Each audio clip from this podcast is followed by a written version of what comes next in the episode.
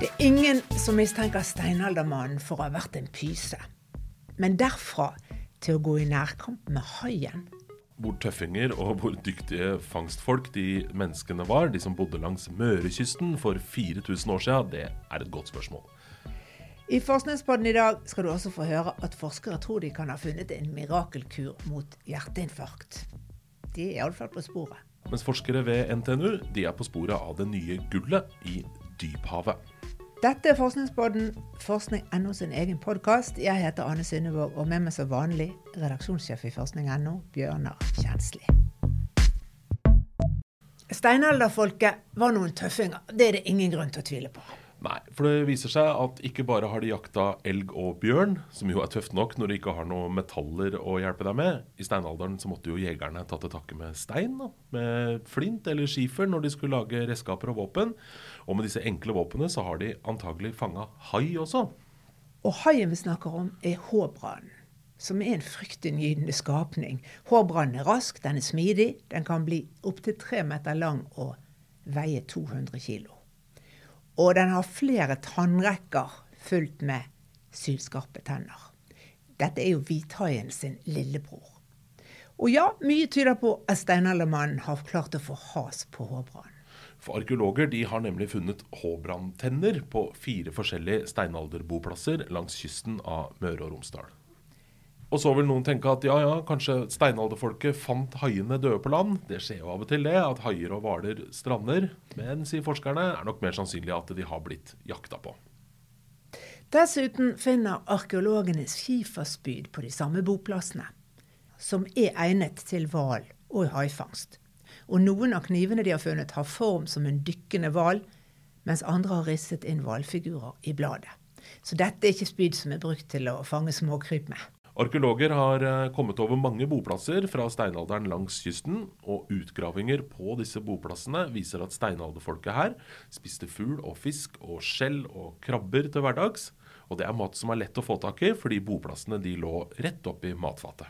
Derfor var det helt uventet og overraskende da arkeologene plutselig fant ikke mindre enn 150 hårbrantenner på én boplass på Nærlandsøya.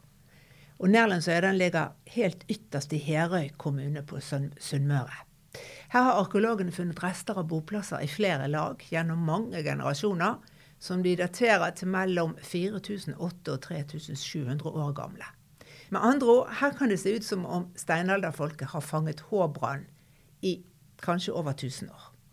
Og det er ganske utrolig å fange en håbrann fra en kajakk. Størrelsen på tennene som forskerne har funnet, tilsier at håbrannene har vært mellom halvannen og to meter lange. Og en forsker på Havforskningsinstituttet beskriver håbrannen som den sterkeste fisken han noen gang har vært borti. En to meter stor håbrann sliter i stykker det meste av vanlig tradisjonelt fiskeutstyr. For tenna er som en slags sag som kapper tvert over alt eh, organisk materiale. I moderne tid, da norske fiskere fanget og nesten utryddet håbrannen på 1900-tallet, da brukte de kraftig metallvaier til liner. Så spørsmålet er hvordan har steinalderfolk klart å fange hårbrann med det utstyret de hadde? Ja, og Da har jo forskerne noen teorier basert på hvordan urfolk rundt i verden har eh, gjort dette her. I Peru f.eks. Der har de brukt en teknikk som går ut på å lokke haien til overflaten med agn. og så Samtidig så har de da plaska som et byttedyr i vannoverflaten. Når haien da kommer nærme nok båten, så slår de eller klubber i hjel dyret. Andre kystfolk har lokka haien til båten ved å banke i bånden av båten, eller å piske opp i overflaten med en rangle som de har lagd av f.eks. av skjell. Og for å få haien helt inn til båten, så brukte de fisk som agn. Og så lurte de en stor tauløkke inn bak sidefinnene og strammet til. Og trakk haien mot båten før de klubbet den i hjel. Ja, og Noe lignende kan altså folk på Sunnmørskysten ha gjort, eh, sier Leif Inge Aastveit til forskning.no. Aastveit er arkeolog ved Universitetsmuseet i Bergen, og det er han som fant disse håbrantenna på Nærlandsøya. Her har de også funnet rester av store spyd og kniver av skifer, og noen av disse spydene er kraftige, med solide mothaker og surringshakk, og de er ganske slitt også. Men, sier Åstveit, du kan ikke bruke disse spydene som harpun eller kastespyd når du skal jakte store maritime dyr med tjukt skinn og kompakt spekklag. For kaster du spydet, så skal det veldig mye til at det trenger langt nok inn i dyret til at mottakene fester seg. hvis det overhodet går. Han tror spydene heller har vært brukt til å støte med, eller kanskje kastet på veldig nært hold. Uansett så må de ha hatt en imponerende teknikk for å få til dette. Ja, og De må også ha hatt stødige kajakker. Eh, og Dette kan ha vært en slags troféjakt, mener forskerne. Et dyr som er så farlig og vanskelig å fange som håbranen. En ting er jo det smakfulle kjøttet. Håbrann det smaker nesten som kalv, sier folk, og må da ha vært festmat. Kanskje de spiste håbrann til jul, til vinterblotet, da, for å feire at sola snudde, f.eks. Men det var vel lettere å fange håbrann sommerstid enn midtvinter, så kanskje det var festmat til sankthans. Til sommersolverv. Ja, uansett. Håbrann det har ikke vært hverdagsmat, i hvert fall. Men den har forsynt steinalderfolket med olje også. Fra leveren. Og så har de kunnet lage klær av skinnet. Og så små kniver og sånn av de skarpe tenna. Men de kan like godt ha brukt haitennene til pynt og til smykker. For det må ha vært knyttet stor prestisje til det å eie haitenner, mener arkeologene. Det må ha vært et statussymbol. Og fra mange andre steder i verden så vet man at haitenner har vært brukt i ritualer, og også lagt som gaver i gravene. Det er ikke så rart at dette her ga status heller, da, å fange en hai fra en kajakk med et spyd av flint. Da skal du være ganske tøff.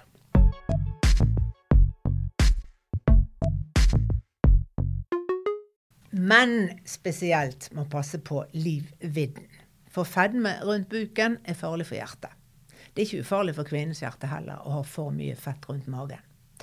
Men nå tyder en ny stor studie på at du kan beholde hjertet like friskt og blodårene like rene, selv om du har noen kilo fett for mye rundt livet. Du kan rett og slett fjerne risikoen for hjerte-karsykdom. Men på én betingelse, da. Selvfølgelig. Det er jo alltid en hake ved sånne nyheter.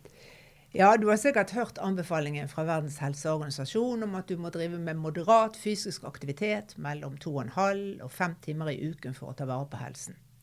Alternativt kan du klare det med mindre hvis treningen er mer intens, sier WHO. Men nå tyder denne nye studien på at du får mye mer igjen for å trene med høy intensitet enn med moderat intensitet. Over 70 000 friske mennesker har vært med i denne undersøkelsen, så den er, er, stor. Deltakerne var i gjennomsnitt litt over 60 år gamle. Og de har da gått med et armbånd, en sånn aktivitetsklokke, som har målt aktiviteten deres i løpet av døgnet. Og så har de blitt fulgt av forskerne i nærmere sju år for å se da om de får noe hjerte- og karsykdom. Og resultatene er slående. De som trente så de fikk pulsen godt opp, ble svett og andpusten, om ikke mer enn en drøy halvtime i uken, de fjernet rett og slett risikoen for å få hjerte-karsykdom. Mens de som erstattet den tøffe treningen med moderat aktivitet, måtte mosjonere 15 ganger så mye for å oppnå samme resultat. De måtte opp i 500 minutter. Det er altså mer enn åtte timer i uken. Det er en stor internasjonal studie, dette her der også norske forskere har eh, vært med. Ulf Ekelund, som er professor ved Norges idrettshøgskole, er en av dem. Og Han sier til forskning.no at også de deltakerne i studien som var slanke, hadde økt risiko for hjerte- og karsykdom dersom de beveget seg for lite. Så nå må vel Verdens helseorganisasjon forandre litt på rådene sine. Det holder ikke å anbefale folk å rusle på tur tre timer i uken for å holde hjertet i form. Ja, De venter nok litt med å endre på de rådene, for dette her er jo bare én studie. Og selv om det var 70 000 deltakere, og det er all grunn til å tro at funnene vi har gjort er gyldige, sier Ekelund, så er det nødvendig da å gjenta disse funnene i flere studier. Sånn er det jo alltid.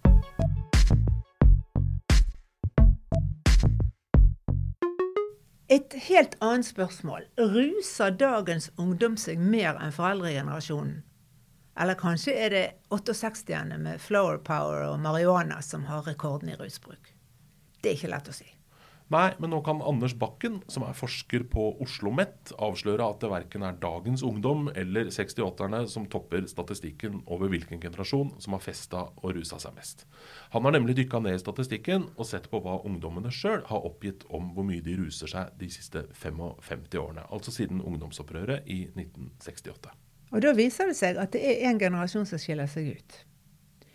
Det viser seg at all rusbruk blant ungdom, inkludert alkohol, nådde en topp på 1990-tallet.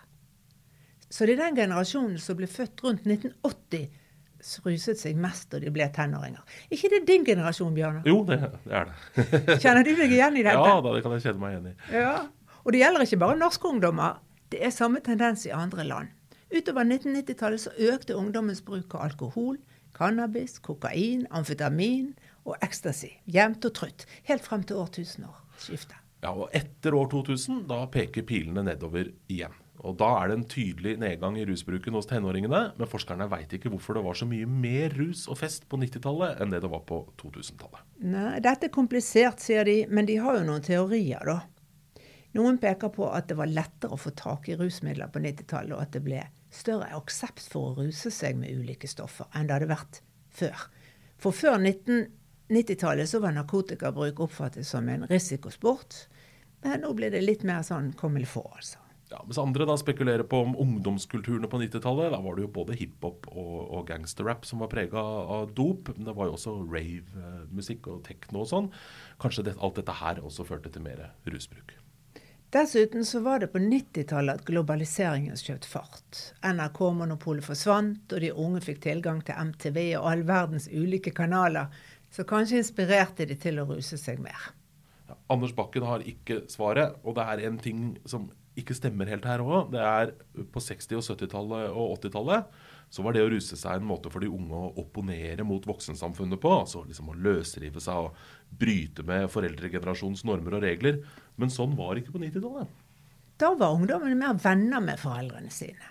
Og de voksne kledde seg mer som ungdom og hørte ofte på samme musikk.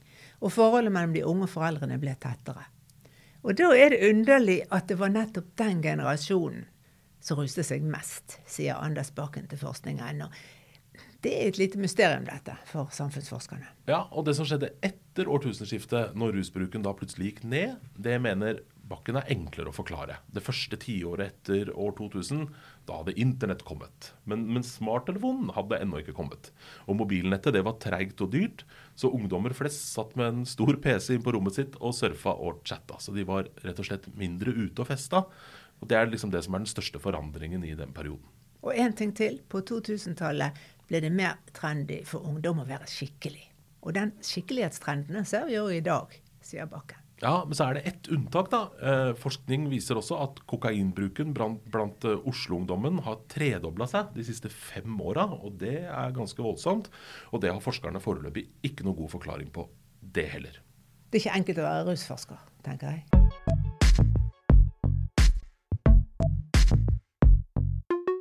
Du har kanskje fått med deg at Norge sitter på en gullgruve. I bokstavelig og overført betydning en gullgruve som befinner seg i dyphavet mellom Jan Mayen og Svalbard. Og Regjeringen har foreslått at vi må starte leting og finne ut hvordan vi kan hente opp dette gullet, som består av en rekke ulike metaller og mineraler. Forslaget er nå til behandling i energi- og miljøkomiteen før det går til Stortinget. Og Grunnen til at dette her er en hastesak, det er at det haster med det grønne skiftet. Og til det grønne skiftet så trenger vi en rekke metaller. Og per i dag så er det Kina som forsyner verden med 80% av disse dyrebare metallene som trengs i smarttelefoner og bilbatterier og masse annet. Og vi vil jo egentlig ikke være så avhengig av Kina, så da må vi finne våre egne metaller og mineraler. Og det har vi funnet i dyphavet, under den norske kontinentalsokkelen.